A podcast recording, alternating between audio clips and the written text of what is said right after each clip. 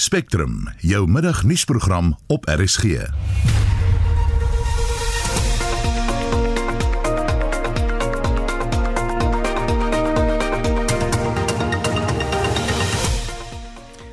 Twee minute oor 12 en in ons program son- en windkragprojekte eerder as 'n kragskip sou reeds kon bydra tot ons energievereistes. Ja, dit is 'n jaar sedert die Cape Power Ship kontrakte toegeken is.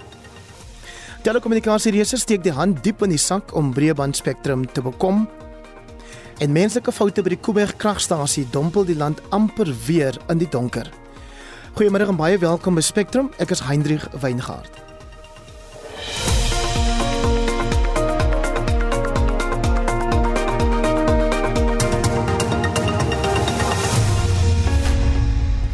Op die kop 5 minute oor 12 hier op Spectrum op RSG. Die saak teen die twee mans wat aangekla word van die moord op die ou rekkie Terrence Teg is vroeër die week in die Tembisa Landdroshof uitgestel. Teg is in Februarie dood nadat betogende werknemers by die klouerfabriek in Midrand hom na bewering aangerand het. Teg het vir 'n private sekuriteitsmaatskappy gewerk wat deur Klouwer gehuur is om bystand te verleen tydens gewelddadige betogings. Ons praat nou oor die saak met die hoof van AfriForum se private vervolgingseenheid advokaat Gerry Nel. Gerry, goeiemôre. Hoekom het AfriForum besluit om hierby betrokke te raak? Goeiemôre, Hendrik. Uh, iemand iemand van ons wat na die videomateriaal gekyk het, sal met saamstem dat hierdie was 'n brutale sinlose aanval op twee sekuriteitsbeamptes wat bloot hulle plig gedoen het. Plig gedoen om hulle kliënte se eiendom te beskerm en om uitvoering te gee na hofbevel. Nou die twee families, uh, Michelle Beddington, uh, sy is die verloofde van meneer Tek wat wat vir aardig vermoor is en die familie van meneer JJ Kasanga wat gelaat is, albei dood is, wat ook vreeslik aangerand is. Hulle het ons genader omdat daar geen kommunikasie was oor wat met die saak gebeur, wat die vordering in die saak is nie en hulle het net nie geweet wat gebeur nie. Ons het betrokke geraak Heinrich En hier was 'n positiewe verwikkeling. Die positiewe verwikkeling is dat die polisiebestuur in Ekurhuleni het aangedui dat hulle verwelkom ons betrokkeheid en sê as ons kan help sal hulle baie bly wees. Hulle kan enige hulp wat ons kan bied kan sal hulle aanvaar. Eindelik in in hierdie spesifieke saak is daar baie video materiaal, daar's geslote band TV materiaal van hierdie writaardige aanvalle en die mense is geïdentifiseer. So die mense wat geïdentifiseer is daar moet sekerlik nou uh gearresteer word en voor die hof gebring word. Ons weet daar's twee beskuldigdes uh wat voor die hof is. Hulle het nou op 'n uh, onverklaarbare rede hulle 'n borgaansoek uitgestel tot die 24ste. En wat my en ons bekommer, Heinrich, is dat weet die opset en die doel van van die van die groep mense wat nou hierdie dade gepleeg het, het duidelik geword toe hulle die halgewere van van beide die persone steel en so ver gegaan het om uh, meneer Tek die oorledene se se besie te steel. En ons is baie bekommerd daai regter daar 'n groep mense is wat hulle self al bewys het as mense wat uh, kan moor dat hulle nou met halgewere sit. En ehm um, so dit is baie belangrik. Ek dink is baie belangrik Heinrich dat in hierdie betrokke geval ons sal toesien dat geregtigheid geskied en dat uh, ons sal moet keer en ons gaan doen wat ons kan sodat die polisie uh, derentyd uh, sal sal oog om die mense te arresteer en ons gaan ons hulp gee van waar ons kan.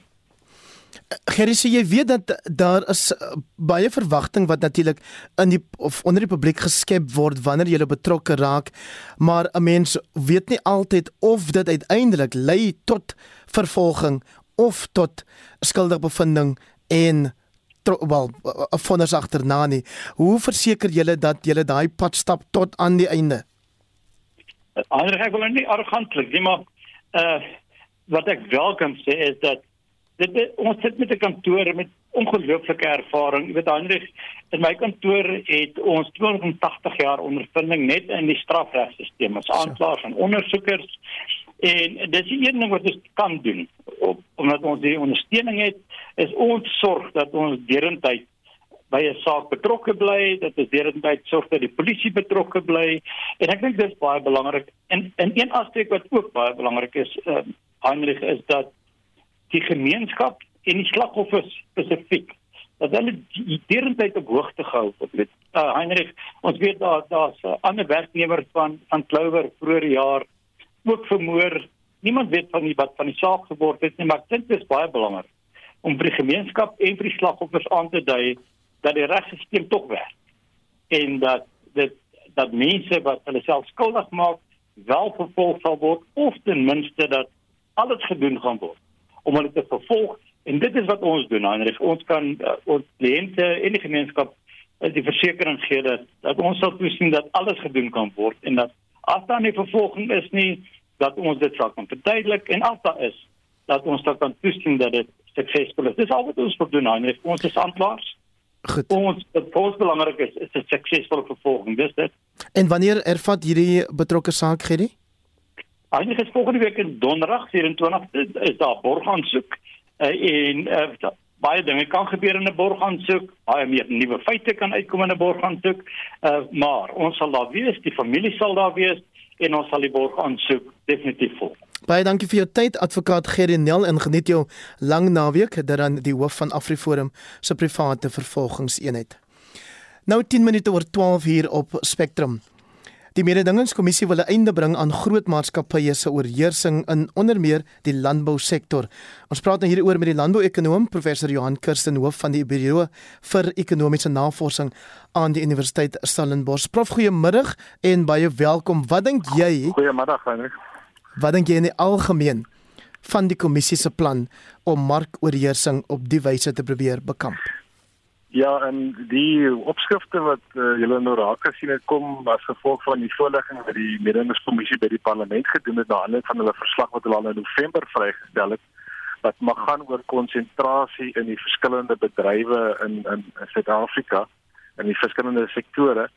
Ehm um, en die opmerkings wat hulle nou gemaak het wat nou vir hulle strategie voorlê is bietjie problematies aangesien hulle eintlik net 'n verslag rondom konsentrasie uitgebring het. Hulle het nie 'n verslag uitgebring oor onmededingende praktyke nie.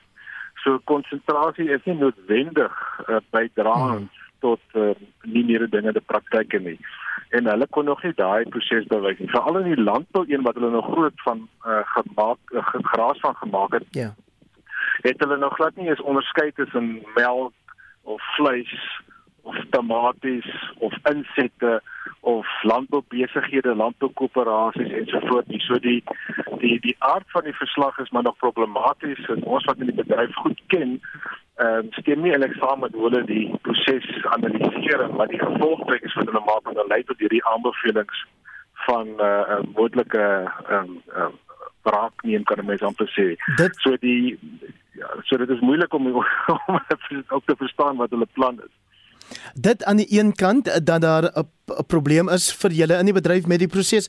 Uh professor Kirsten, maar van wat jy weet van die landboubedryf, landbousektor, is jy bewus daarvan dat daar dalk 'n paar maatskappye is wat die hele sektor oorheers? Ja, dat weer eens moet mense vra waar is dit? As mens kyk na miskien 'n landbou chemikalie of dalk 'n landbou uh, kunsmis ensovoorts, dan kan 'n mens miskien sê daar's 'n paar grootes, maar daar's ook deesdae baie generiese produkte wat weer daar kompeteer. Daar is natuurlik streeksdominasie want 'n uh, uh, maatskappy wat byvoorbeeld net dit en as hulle net een tak van 'n maatskappy op 'n dorp is, dan het hy natuurlik 'n oorhand, maar daar's nie uh, uh, bevindinge dat 'n mens kan sê hulle is dominerend nie wie 'n boer per definisie is 'n prysnemer. So jy kan hoe groot wees, maar jy moet nog steeds die prys neem van wat ehm, 'n um, maatskappy wat dit verwerk vir jou betaal. So daar's natuurlik baie problematiek rondom die uh, dominansie van uh, suiwelmaatskappye en so voort, maar weer eens is daar kompetisie onder die suiwelmaatskappye. Daar's kompetisie van invoere. So my argument met die kompetisiekommissie se verslag is dat hulle nie eintlik uh hulle uh, besef dat konsentrasie is nie noodwendig nie meer 'n ding nie. En enige bedryf het jy konsentrasie. Ons het in die primêre landbou het jy uh 2000 3000 boere wat uh, verantwoordelik is vir 70% van die totale um, inkomste maar dis 'n verskillende sektore. Dis nie asof hulle die bedryf domineer nie en uh onregmatige praktyk uitvoer nie. So dis bietjie um vroegtydig om nou so 'n uh, wille stelling te maak soos hulle gedoen het. En uh um, ons het uh, as landbouekonomie al reeds op die verslag toe uitgekom het bietjie vrae gevra rondom hulle metodiek en hulle gevolgtrekking. mm -hmm en ehm um, ook dat hulle nie eintlik die hele proses van mededinging eintlik goed uitgewerk het. Prof kan ek met jou toestemming ook hierdie vraag bylas sien dat hawens belangrik is vir die landbousektor? O oh, ja ja ja. Wat, wat is jou reaksie op die Wes-Kaapse regering se wensplan voorneme versigtiging dat die Tafelbaai se hawe vir beter dienslewering geprivatiseer word? Ja, dis eintlik die punt wat ek nou in my voorbereiding wou gemaak het dat as 'n mens dink hulle hierdie analisie gedoen het hulle na die private sektor gekyk maar hulle het geen vrae gevra oor die onmede dinge praktyk van ons elektrisiteitsnetwerk, ons logistieke netwerk en ons hawens. Hmm.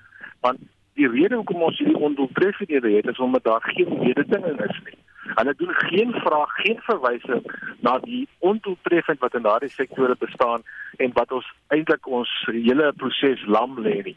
En die versoek aan Transnet was byvoorbeeld in die Weskaap dat Transnet uh, die reg gee vir privaat ondernemings om die uh, operasie van die Kaapse uitvoerhawe te hanteer op 'n 'n huurgrondslag. Jy weet, dis kan hulle kan die grond besit en die instansie besit, maar hulle kan nog steeds die ding uithuur vir 'n 25, 30 jaar uh, 'n periode aan 'n maatskappy wat doeltreffend opereer wat volgens die wêreldbeginsels opereer. Nou het jy hierdie onmanierde ding in 'n situasie waar ons logistieke stelsel en ons hawenstelsel eintlik lam gelê word deur onmanierde dinge. So dit is eintlik 'n groter vraag wat 'n mens moet vra as die mededingingskommissie nou hierdie tipe van ondersoeke doen. Hoekom kyk hulle nie na ons groot bedrywe wat krities vir die land is van Eskom deur na Transnet, deur na die waterstelsels uh, in in in terme van hulle verskaffing van meer doeltreffende praktyke. Baie dankie vir jou tyd en insigte vanmiddag professor Johan Kirsten is 'n landbouekonoom en ook hoof van die Buro vir Ekonomiese Navorsing aan die Universiteit Stellenbosch.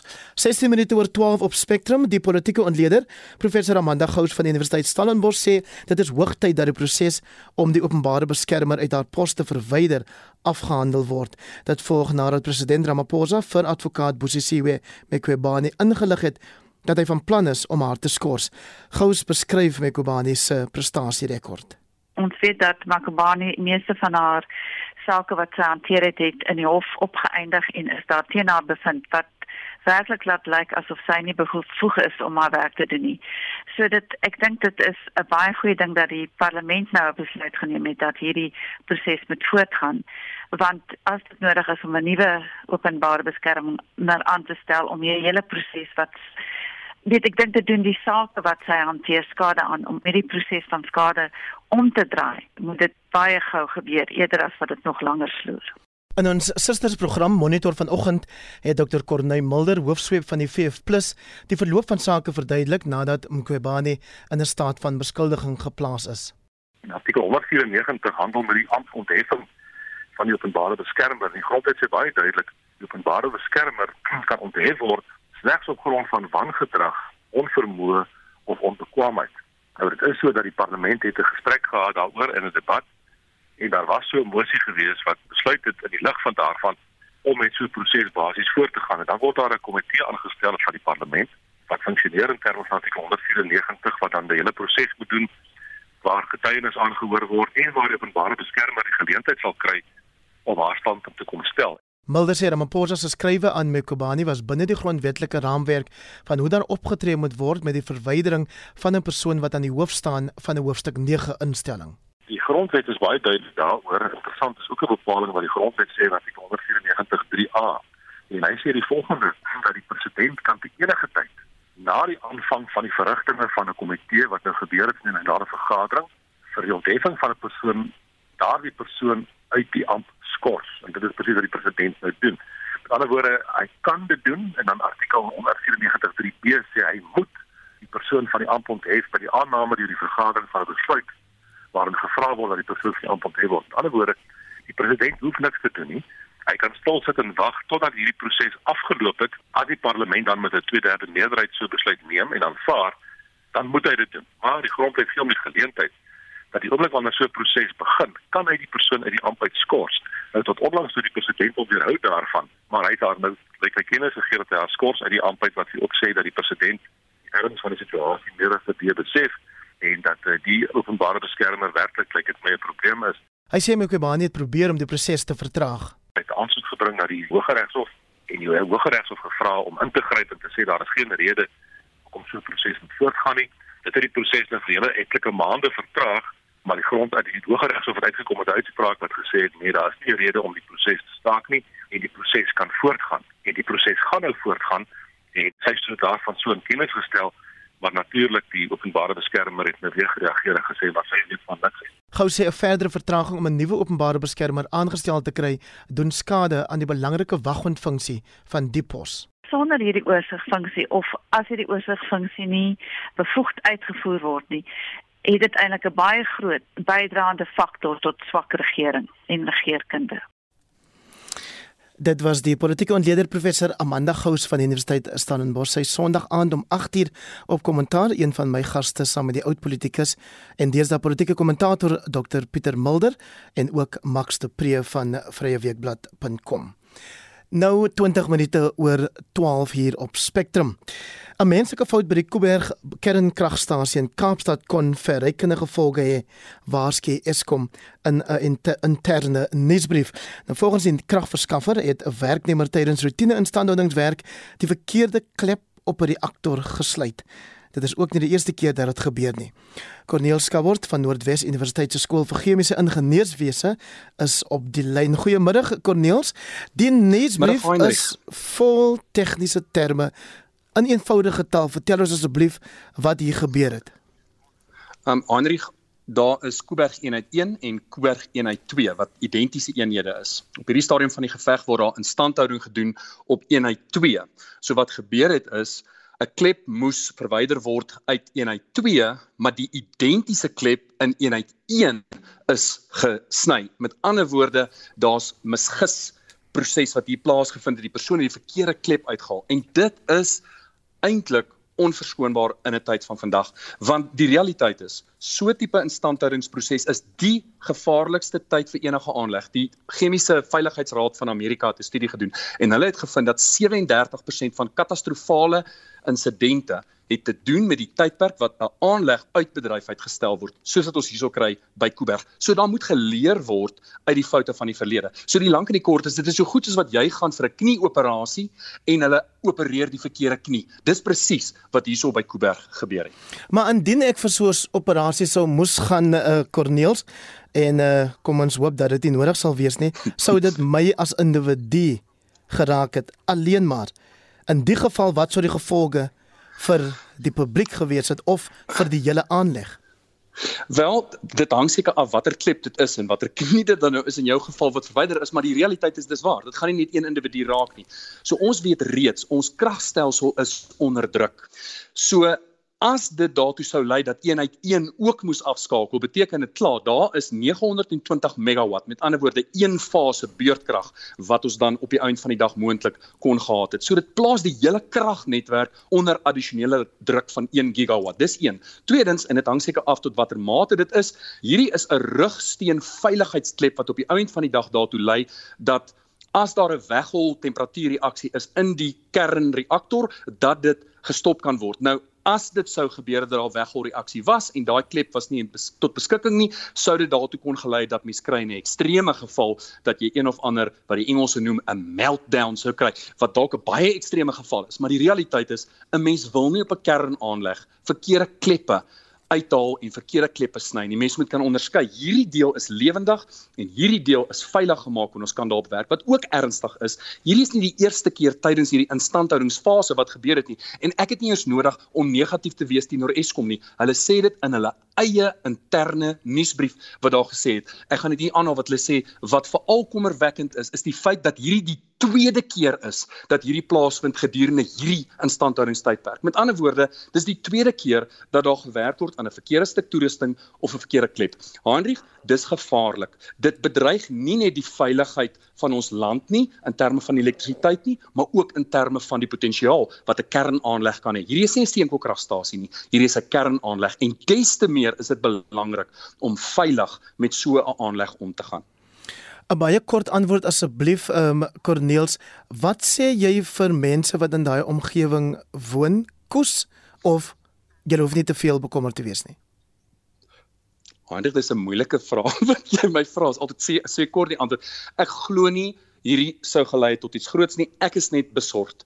Eskom gaan hulle sake in orde moet kry. Ons kan nie bekostig dat hierdie tas van goederes voortgaan nie. Dit maak mense onrus, onrustig in daardie omgewing. Ek sou tot tot 'n mate meer onrustig nou gewees het as 3 jaar gelede. Ek gaan eerlik wees. Of die mense moet begin koes, ek weet nie of dit die geval is nie. Ek dink en hoop en glo en vertrou dat dit veilig nog is maar die realiteit is hierdie insidente is eintlik in 'n dag soos vandag onverskoonbaar en Eskom self het dit gesê. Ons waardeer altyd jou insette hier op ons programme Corneels Skabert van die Noordwes Universiteit se skool vir chemiese ingenieurswese. Dit is vandag 1 jaar sedert die aankondiging dat die Turkse maatskappy Kaap Powership die kontrak gewen het om bykomende elektrisiteit aan Suid-Afrika te verskaf. Ons het egter nog nie 1 ekstra megawatt se krag beskikbaar nie. Ons praat nou hieroor met Hilton Trollop, hy's 'n konsultant in energie navorsing. Goeiemôre Hilton. Goeiemôre Heinrich. Wat is tans die situasie met hierdie Kaap Powership? Bly hulle of ry hulle? Heinrich, ek kan Engels praat uh, dit right is. Um Heinrich, you know, this was meant to be an emergency program. Um, and uh, a, year ago, I wrote an op ed in, in Business Day saying it would definitely be challenged. Because, and this is, you know, from an independent point of view, because the, the, scheme has a number of serious flaws. Um, anyway, what happened? It has got challenged on a number of reasons. It's got challenged by fellow government departments. It's got questioned by ESCOM and it's run into legal problems.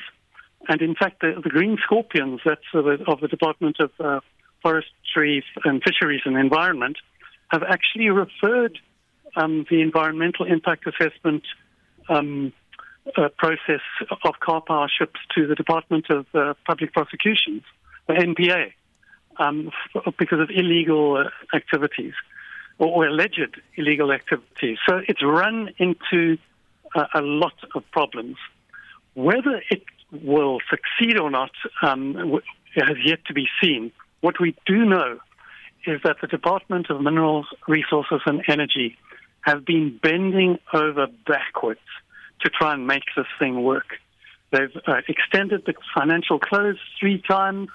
Uh, um, they've made a whole lot of, of very partisan statements in favor of uh, the, this scheme, and they've directly attacked uh, people that oppose it, you know, in, in a personal way, not not saying um, that uh, we're not arguing with the people on the merits of their argument, but actually making comments about uh, people that um, that have uh, made purely um, uh, professional and uh, analytical comments about this. So it's it's a big Barney basically, um, and what it is is it's an indicative of a, a larger uh, set of conflicts going on between the DMRE, NERSA, ESCOM, Treasury, the South African public, etc. And it's part of a larger problem that since 2015, yeah. not a single new substantial generation so, project has been contracted onto the grid. So wat sou jy sê Hilton sou 'n beter opsie gewees het eerder as hierdie gesukkel met Kaap Powership om ekstra krag gelewer te kry?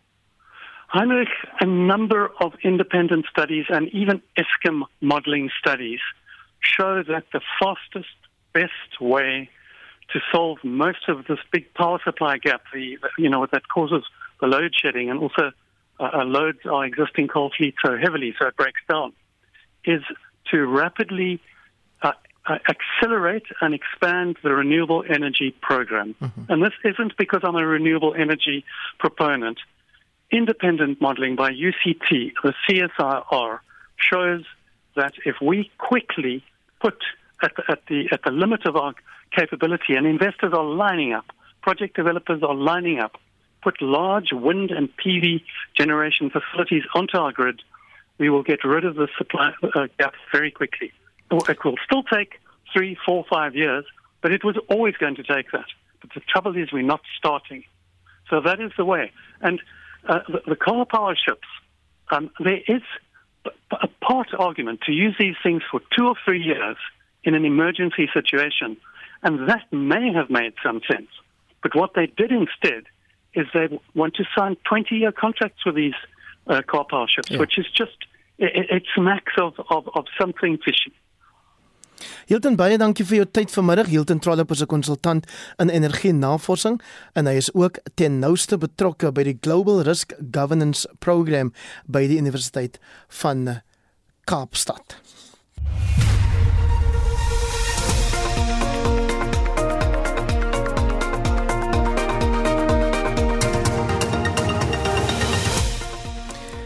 12:30 en in jou hooftrekke die president gaan binne daardie land toespreek oor die COVID-maatreëls. Wat kan ons verwag? En die Notre Dame steek al die jare steek al die jare 'n geheim weg. Dit is nogal iets baie besonders. Een van die argeoloë in die projek beskryf dit as 'n fonds van uitnemende wetenskaplike kwaliteit. Bly gerus ingeskakel.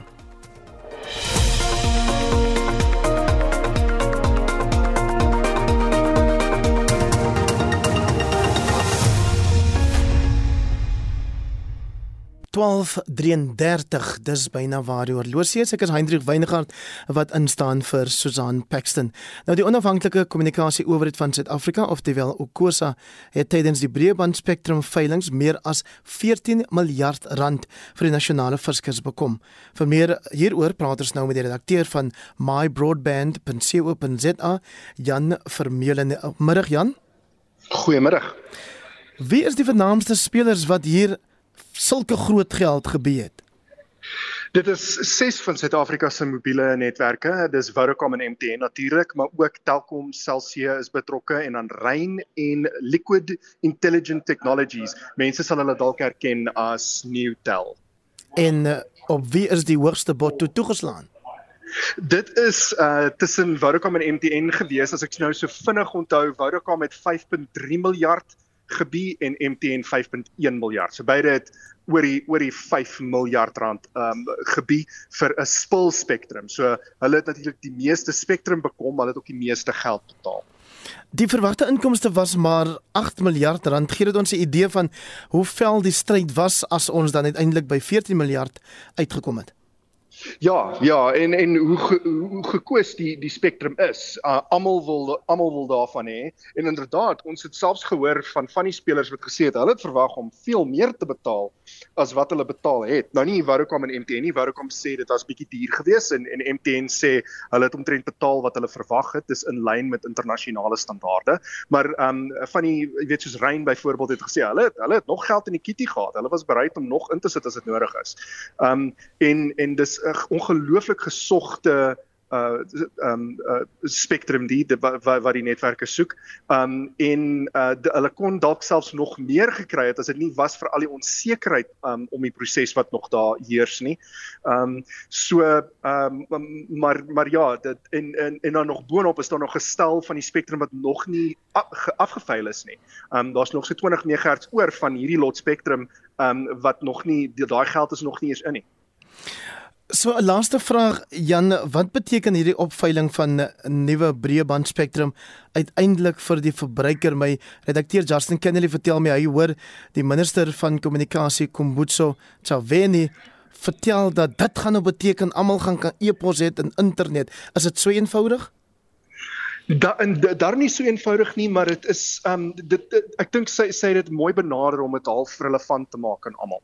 Um so dit dit dit dit het definitief um uh, op ons almal uh, betrekking en uh die die maar waarop dit neerkom is ons gaan hopelik minder geld betaal, daar gaan breër dekking wees en die netwerkkwaliteit gaan beter wees. Um so uh, oor, net oorhoofs uh, sonder om in die tegniese detail in te gaan, dis dis wat die netwerke ons beloof het en dis waarteen hulle hulle self gemeet gaan word teen hulle eie beloftes. So, goedkoper, ehm um, beter netwerke, breër dekking vir almal. Baie baie dankie. Dit aan die redakteur van mybroadband.co.za Jan Vermeulen. 1236 Die minister van polisie Bekkie Cele sê die polisie het verdagtes geïdentifiseer in verband met 'n skietvoorval waarin 5 mense dood is in Khayelitsha op die Kaapse vlakte. Die polisie diens hou intussen vandag 'n imbizo in die gebied en die woordvoerder van Action Society een Cameron praat nou met ons daaroor. Een baie welkom hier op Spectrum Goeiemôre, baie dankie. Dis lekker om met julle te gesels. Jy sê dat jy nie tevrede is met hierdie straat Imbizo nie. Ja, ek dink dit is net net ek wat nie tevrede is nie. Ek het gister met 'n paar gemeenskapslede gepraat van daar ons werk in die afgelope tyd redelik baie aan daai gebied en en daar's twee woorde wat uitkom van hulle kant af. Die eerste een is arrogant, die ander een is soos in Engels sê ignorant. Daar's amper 'n absolute verwaandheid dat Becky Taylor met so danige straat en bezu nou verhouding wil bou dit terwyl hy die een is wat die die teenbende eenheid ontbind het. Hy is die een onder andere wat veroorsaak dat misdaad skiet intelligensie heeltemal verbrokkel nie net in daai gebied nie maar ook in die land. En so gaan die lys aan so geweldig frustrerend is die hoeveelste besoek van hierdie aard wat ons sien gaan senior Suid-Afrikaanse polisie diensbeamptes En om eerlik te wees, dink ek dis 'n rookskerm vir onbevoegdheid.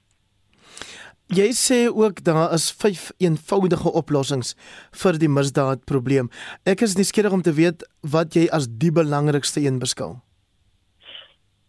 Ek dink daar's daar's twee wat gesamentlik uh moet werk. Ek dink die eerste ene is daar moet 'n totale herstel van misdaadintelligensiedienste wees in die gebied.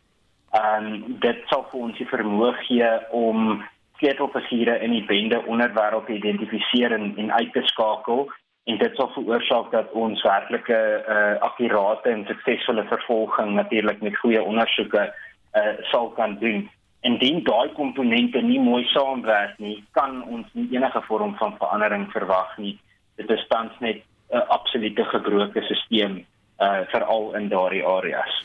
Dieselfde geld seker vir die bende geweld probleem waarmee jy of waarby Action Society nou ook betrokke geraak het. Die nuutste daaroor, die jongste daaroor asseblief een? Oh nee, afgelope uh wat minder as 'n week is daar net tussen Kaalicha en Mannenberg meer as 10 mense doodgeskiet word. amper elke week of twee word daar kind doodgeskiet as gevolg van bende geweld en en daar's twee goed wat uitstaan. Een uh dis dis absolute lafhartige optrede van hierdie van hierdie bendes dat dat kinders die slagoffers word. Twee, die staat het eenvoudig nie die politieke wil om in te tree nie. Ek ek dit gaan my verstand te bowe dat ons nie optrede sien van die staat nie. En uh en ek dink dit is baie dat dat ons ons ons stemme uh, verhef en en gemeenskappe bemagtig om selfpatrollies te doen, selfinligting te versamel en self seker te maak dat ons uh, dat ons hierdie sake opvolg en 'n vervolging reg gedoen word. Een baie baie dankie vir jou tyd die woordvoerder van Action Society in Cameron. Sowel uit die geleedere van die oppositie en die burgerlike samelewing word die rampstaat waarmee die Ramaphosa regering volhard nou deur hofgedinge in die gesig gestaan. Die president het intussen gister aangedui dat hy binne dae die land sal toespreek. Ons praat hieroor met die COVID-kenner Dr. Angelique Kutsie. Dr. Kutsie, goeiemôre, lekker om jou weer hier op Spectrum te hê. Baie baie dankie, dit is eh, regtig 'n voorreg om op Spectrum te wees. Is die verlenging van die rampstaat geregverdig? Nee, tans is dit glad nie geregverdig meer nie. Dis tyd dat dit moet beëindig word. Inteendeel, dit moes al beëindig geword het.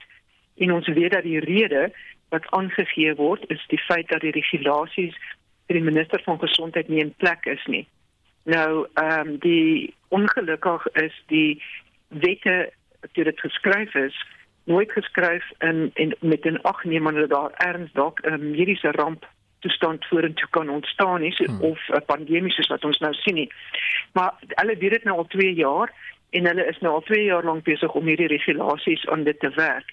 So ek weet nie, miskien gaan ons nog 2 jaar wag voor ehm um, daar dalk iets gebeur en daarom is dit van belang dat ons nou moet begin druk opsit en sê luister, die rampstaat is regtig nie nou meer van toepassing nie.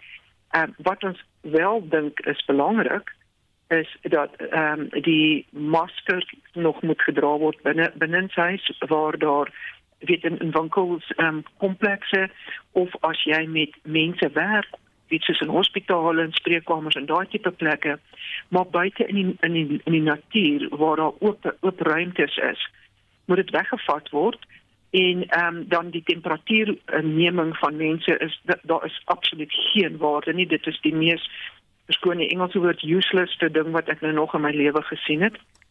Ehm um, in hande was is nog steeds belangrik en dan natuurlik ventilasie, maar hierdie is goed wat die regering moet aanspreek. Hulle moet ventilasie gaan aanspreek in hulle geboue en in skole ensovoorts. Hulle moet water en sanitasie gaan aanspreek want jy kan nie net heeltyd ehm um, uh uh wil ehm um, jy weet 'n uh, uh, alkohol gebaseerde ontsmettingsmiddels op jou hand gebruik nie. Ehm um, erns moet ons ook lopende water hê veral by skole. Ja, jy het nou gesê dis belangrik dat daar juis nou druk op die regering geplaas moet word. So het jy hoop dat die DA en die en Afriforum se beplande hofaksie teen die voortsetting van die rampstaat sukses sal behaal. Ek dink tog al dit sal want jy weet ehm um, solank as wat 'n mens dit in 'n logiese denkwyse op papier sit en dit en dit logies sin maak, dan raak dit baie moeilik vir die staat om baie keer in 'n onlogiese manier daarteen om te kan redeneer. En uh ek dink net ons moet daar moet druk gesit word. Dit moet nou begin beëindig as ons kyk wat in ander lande gebeur, dan sien ons dit jy weet uh, die meeste van van ander lande is nie meer in 'n in 'n 'n rampstaat nie. Ehm um, van ons buurlande is nie eens meer daarin nie, maar ons sit nog steeds En ons sê nie dat dit beteken dat jy soos ek het nou net gesê dat alles nou sommer net die baba met die badwater uitgegooi word nie. Dit beteken nie daar is nog seker goed dat ons moet sal moet doen want ons is regtig nog nie ehm um, heeltemal uit ehm um, uit die uit uit uit, uit die gevaar uit nie. Ons het nog nie nêrens bereik daar daar ten minste 'n week geen gevalle was nie. So ons is nog steeds maar dis net hoe om dit beter te hanteer. Maar die rampstaat self, nee, ons moet uit dit uit. Ons klop weer aan jou spreekkamer deur wanneer die president dan nou, soos hy beloof het, binne dae die land sal toespreek. Dr. Angelique Kutse is die voormalige voorsitter van die Suid-Afrikaanse Mediese Vereniging.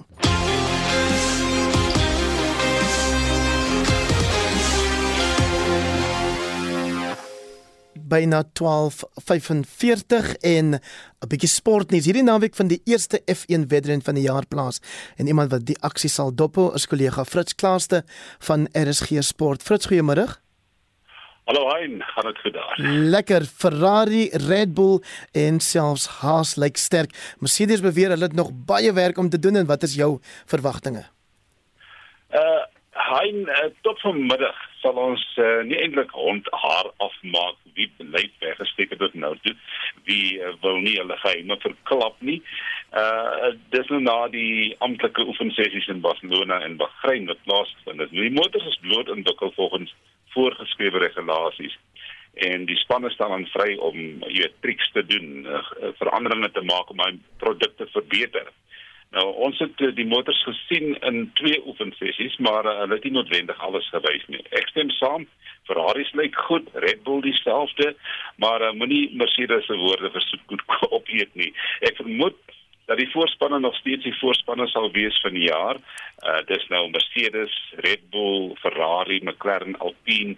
Uh, uh dit dis die voorbeelde in my boek, maar oor minder as 'n uur sal die eerste oefensessie begin van die jaar en dan sal ons sien wie het weggesteek en wie was oor entoesiasties. Uh Lewis Hamilton en Max Verstappen is verniet uh twee van die beste renjaars in die geskiedenis nie. Hulle sal hulle twee stryd van verlede jaar hierdie jaar voorsit. Daar's ander manne soos Alonso, Leclerc, eh, Daniel Ricciardo, Lando Norris, maar ek weet nie of hulle dieselfde ondersteuning gaan kry as spesifiek hierdie twee voorbokke nie. Kan toeskouers meer opwinding verwag as die jaar sê hulle is opgewonde en hulle reken dit sal makliker wees om naby mekaar te jag en te veg vir posisie met hierdie nuwe motors? Absoluut hein, uh die die die ding het net crescendo verlede jaar geëindig en ek dink dit sal voortgesit word met nuwe belangstelling. Daar's ongelooflik baie mense wat er nuwe belangstelling in Formule 1 het. So ja, uh, geld was 'n historiese faktor. Dis waar mense vinnige spanne kry, jy kry stadige spanne, jy kry voor uh, uh, uh, renjaars, jy kry ouens wat nie so goed is nie. Maar uh, die FIA het hierdie jaar 'n begrotingsplafon daar gesit so om die armer spanne te help. Formule 1 het uh, uh, na ander aspekte gekyk om die kompetisie op te hoop op die baan. Die motors is 40 kg swaarder, dis nou voor petrol. Petrol is 110 kg, so die motors gaan nog swaarder, dis oor die 900 kg. En dan kom jou uh, renjaar se gewig ook by. So sê uh, Vettel sê, die motors voel vir hom baie baie lui. Nog 'n voorbeeld, in die vorige era uh as die motor voor jou ry en jy ry agter, sê byvoorbeeld jy is 4 motorlengtes agter die uh, kar voor jou, as die lug baie troebel en jy sukkel, uh die afwaartse druk wat jou kar verloor agter is 35 tot 50%. Hulle het hierdie goed verander met die ontwerp sodat hy drukfaktor uh in die lug verminder word na 18%. Dus so definitief motors sal baie na aan mekaar wees en die kompetisie sal baie baie beter en aanskouliker wees. Fritz, baie baie dankie dat jy hierdie rugby geesdriftige ook nie skieurig gemaak het oor hierdie naweek se F1 aksie. Terwyl Fritz Klaarste is RSG Sport se F1 guru sê ek sommer. Nou 1248 ongelukkigheid oor die definisie van 'n militêre veteraan is wat daartoe gelei het dat hy vanoggend 'n optog na die kantore van die departement van militêre veterane gelei het. So sê die beleerde ANC lid Karl Neus. Hy verduidelik waarom. Daar word nie genoeg duidelikheid gegee oor die definisie van wat 'n militêre veteraan is nie. En daar behoort nie onduidelikheid te wees nie want dit is baie duidelik in die militêre veterane wetgewing wet nommer 18 van 2011 en daardie wetgewing stel baie duidelik dat dit nie net diegene is wat in militêre kampe opgelei is nie maar ook diegene wat in die ondergrond binne die land gewerk het en wat die nodige ondersteuningsnetwerk gebied het ook vir MK soldate wat van die buiteland af in die land ingefiltreer is. Ongelukkig is die komitee op huidigelik onder die voorsitterskap van majoor generaal Mashaule baie aggressief in die benadering wat hulle het en ook nie bereid om in ag te neem wat die rol van die interne groepe en die selfverdedigingseenhede van Umkhonto weSizwe was nie. Wat is die belangrikste punt wat julle aanspreek in julle memorandum? Die interne eenhede van Umkhonto weSizwe wat binne die land gewerk het, die selfverdedigingseenhede en die, wat ons noem die interne masjinerie wat twee verskillende detachments van Umkhonto weSizwe was dat hulle erkenning kry en dat die huidige voorsitter van die verifikasiekomitee, majoor generaal Mashale, uit sy posisie moet uitstap en dat dit aan ander oorhandig moet word wat meer bereid is om op 'n ewehandige wyse hierdie hele proses aan te pak. Kan jy 'n kort reaksie op die feit dat daar ook op sosiale media in elk geval vrae gevra is oor jou eie status as 'n militêre veteraan? uh, kyk, my eie rekord praat op sigself. Ek het 'n uh, lang openbare rekord as deel van Umkhonto weSizwe en as 'n lid van die ANC. Ek was aangekla in die hof nie net vir my lidmaatskap van die ANC nie, maar ook vir sabotasie, ondergrondwerk van Umkhonto weSizwe. So dit is heeltemal klomp nonsens. Ek skud maar net my skouers en lag. Dit was 'n Kalneas voormalige woordvoerder van die ANC se onbinde militêre veterane vereniging. Betty van der Merwe is die portefeuljebestuurder by of is 'n portefeuljebestuurder by Sanlam Private Welvaart, private welvaart, jammer, en hy sit gereed met die jongste sake nuus. Middag Betty. Middag Hendrik. Dankie. Die markte het hier die dag verdeeld afgesluit met die Hang Seng Indeks in Hong Kong 0.1% laer en die Nikkei 225 in Japan 0.65% hoër. Op ons plaaslike beurs verhandel die algehele indeks tans 0.6% hoër, ondersteun deur die Hulbron indeks wat 1.2% sterker staan en die finansiële indeks 0.1% hoër en die nywerheidsindeks 0.25% stewiger. In Europa verhandel die FTSE 100 in Londen 0.5% laer, die CAC 40 in Parys 0.9% swakker en die DAX in Frankfurt 1% laer. Dan verhandel die rand teen 14.98 teenoor die Amerikaanse dollar, 16.54 teenoor die euro en R19.67 teenoor die Britse pond. Op die kommoditeitsfront verhandel goud tans teen 1931 dollar per fyn ons, platinum teen 1039 per fyn ons, palladium teen 2570 dollar per fyn ons en Brent-olie teen 108 dollar per vat. Dit aan die einde van die nuus en terug na jou aan. Baie dankie Barry van der Merwe is 'n portefeuljebestuurder by Sanlam Private Welvaart. Argeoloë het antieke grafte en 'n sarkofaag wat uit die 14de eeu dateer onder die Notre Dame in Parys gevind. Die kathedraal word gerestoreer na 'n verwoestende brand in 2019 en dit is tydens die opknappingswerk wat die ontdekking gemaak is. Annelien Moses het die direkteur van die maatskappy Argeotnos professor Anton van Vollenhoven gevra wat die fonds beteken. Dit is nogal iets baie besonders. Een van die argeoloë in die projek beskryf dit as 'n fonds van uitnemende wetenskaplike kwaliteit. Ek dink dit is omdat dit wat gevind is in so baie goeie toestand gekry is. En gee natuurlik gaan nou as dit bestudeer word vir die ouens baie goeie inligting kan gee oor middeleeuse begrafnisgebruike en om dit 'n bietjie beter te probeer verstaan. Hoekom dink jy is die ontdekking nie al vroeër gemaak nie? Dit is nogal 'n baie goeie vraag en een wat eintlik baie moeilik is om te antwoord. Ek dink wat gebeur het is maar dat die mense is geneig om met bouwerk kom ons sê 'n gebou brand af of word afgebreek om dan net alles gelyk te maak en aan te gaan. En omdat hierdie grafte dan nou onder die vloer was, beteken dit hulle het nooit werklik dieper gegaan wanneer hulle herstelwerk wou doen of so iets nie. Want die fonds is eintlik ook nou baie toevallig gemaak. Hulle was besig om die stellasies op te rig sodat hulle bo aan die toring kan werk. En hulle moes nou seker maak dat hierdie stellasies baie stewig staan. En daarom moes hulle die vloer bestudeer en toe kom hulle nou agter maar hier's iets aan die gang hierin en onder die vloer en toe kry hulle dit. So dis waarskynlik eintlik 'n area waar mense nie eintlik na kyk sommer net nie en daarom dat dit nou eens gekry is. 'n Sarkofaag uit lood is een van die ontdekkings.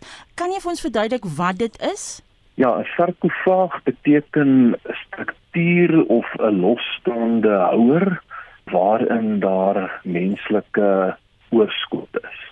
Nou hierdie een van lood is spesifiek in die vorm van 'n mens wat met ander woorde beteken hy's pasklaar gemaak vir iemand wat begrawe moes word en is waarskynlik presies gemaak sodat hierdie persoon se liggaam daarin sou pas. So dis werklik 'n baie besonderse fonds.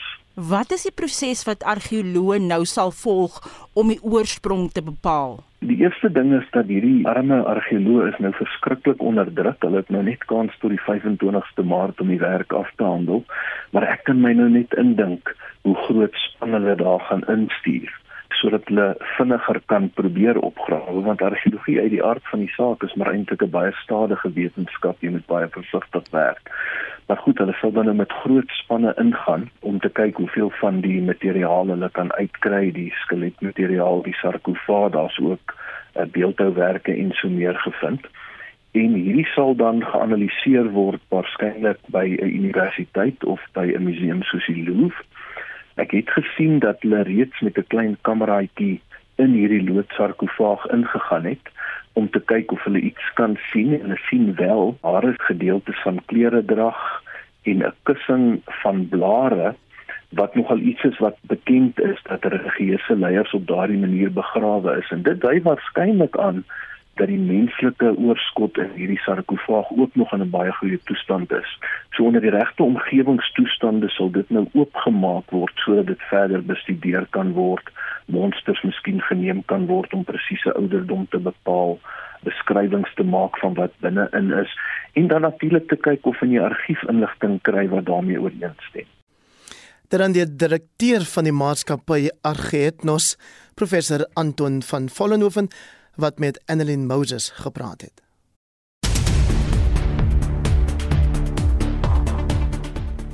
En Annelien Moses is ook hier met 'n opsomming van ontwikkelende nuus. Daar was vroeër berigte van minstens 3 ontploffings in die westelike stad Lviv in Oekraïne. Annelien Heinrich die burgemeester het die missielaanval op 'n vlug instandhoudingsperseel bevestig.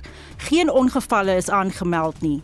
Intussen het die Russiese president Vladimir Putin beweer dat Oekraïne besig is om vredesamesprekings met sy land te vertraag. Terug op tuisbodem sê die minister van staatsdiens en administrasie, Ayanda Dlodlo, dat leefstyl-audits vanaf 1 April verpligtend sal wees vir alle nasionale en provinsiale departemente. Dlodlo sê dit het ten doel om korrupsie hok te slaan. We've appointed ethics officers who are responsible for ensuring that ethics in the public service are maintained.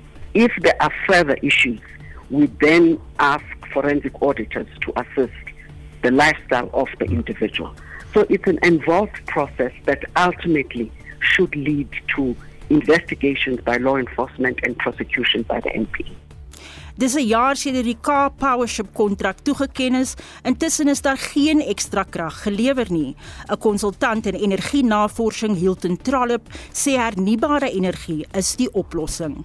The fastest best way to solve most of this big power supply gap is to rapidly accelerate and expand the renewable energy program.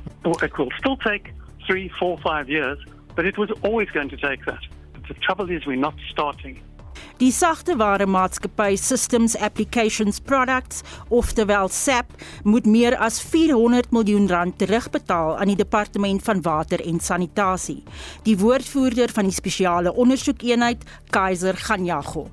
The SIU confronted the department and SAP with the evidence of wrongdoing and by agreement the SIU together with the department and SEB declared the contract invalid and unlawful. The agreement was made an order of the special tribunal. Die Afrika Ontwikkelingsbank beplan om in 1 week sowat 1 miljard dollar in te samel om landbouproduksie op die vasteland te ondersteun. Dit in 'n poging om Afrika te beskerm teen moontlike voedseltekorte weens die oorlog in Oekraïne. En dan in ander nuus het die stigter van Amazon en miljardêr Jeff Bezos 'n ruimtevlug wat volgende week sou vertrek, uitgestel tot die 29ste van die maand. Die Saturday Night Live komediant Pete Davidson, wat die eregas aan boord sou wees, sal nie meer die vlug meemaak nie. En so vertel Annelien Moses ons wat 'n blik gegee het op die ontwikkelende nuusstories van die dag. Vorige uitsendings van Spectrum is beskikbaar op Potgooi. Gaan dit na RSG se webblad by www.rsg.co.za. Dit geld ook vir ons ander programme Monitor en Naweek Aktueel en Kommentaar en Kommentaar Sondag aand saam met my Hendrik. Jy kan daar luister na professor Amanda Gous, Dr Pieter Mulder en Max de Pre. Ek groet namens ons uitvoerende regisseur Nicoline de Wee, die redakteur vandag Justin Kennerly, produksieregisseur Johan Pieterse en ons wens jou 'n fantastiese lang naweek toe.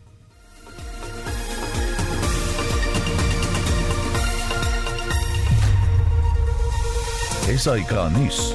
Onafhanklik, onpartydig.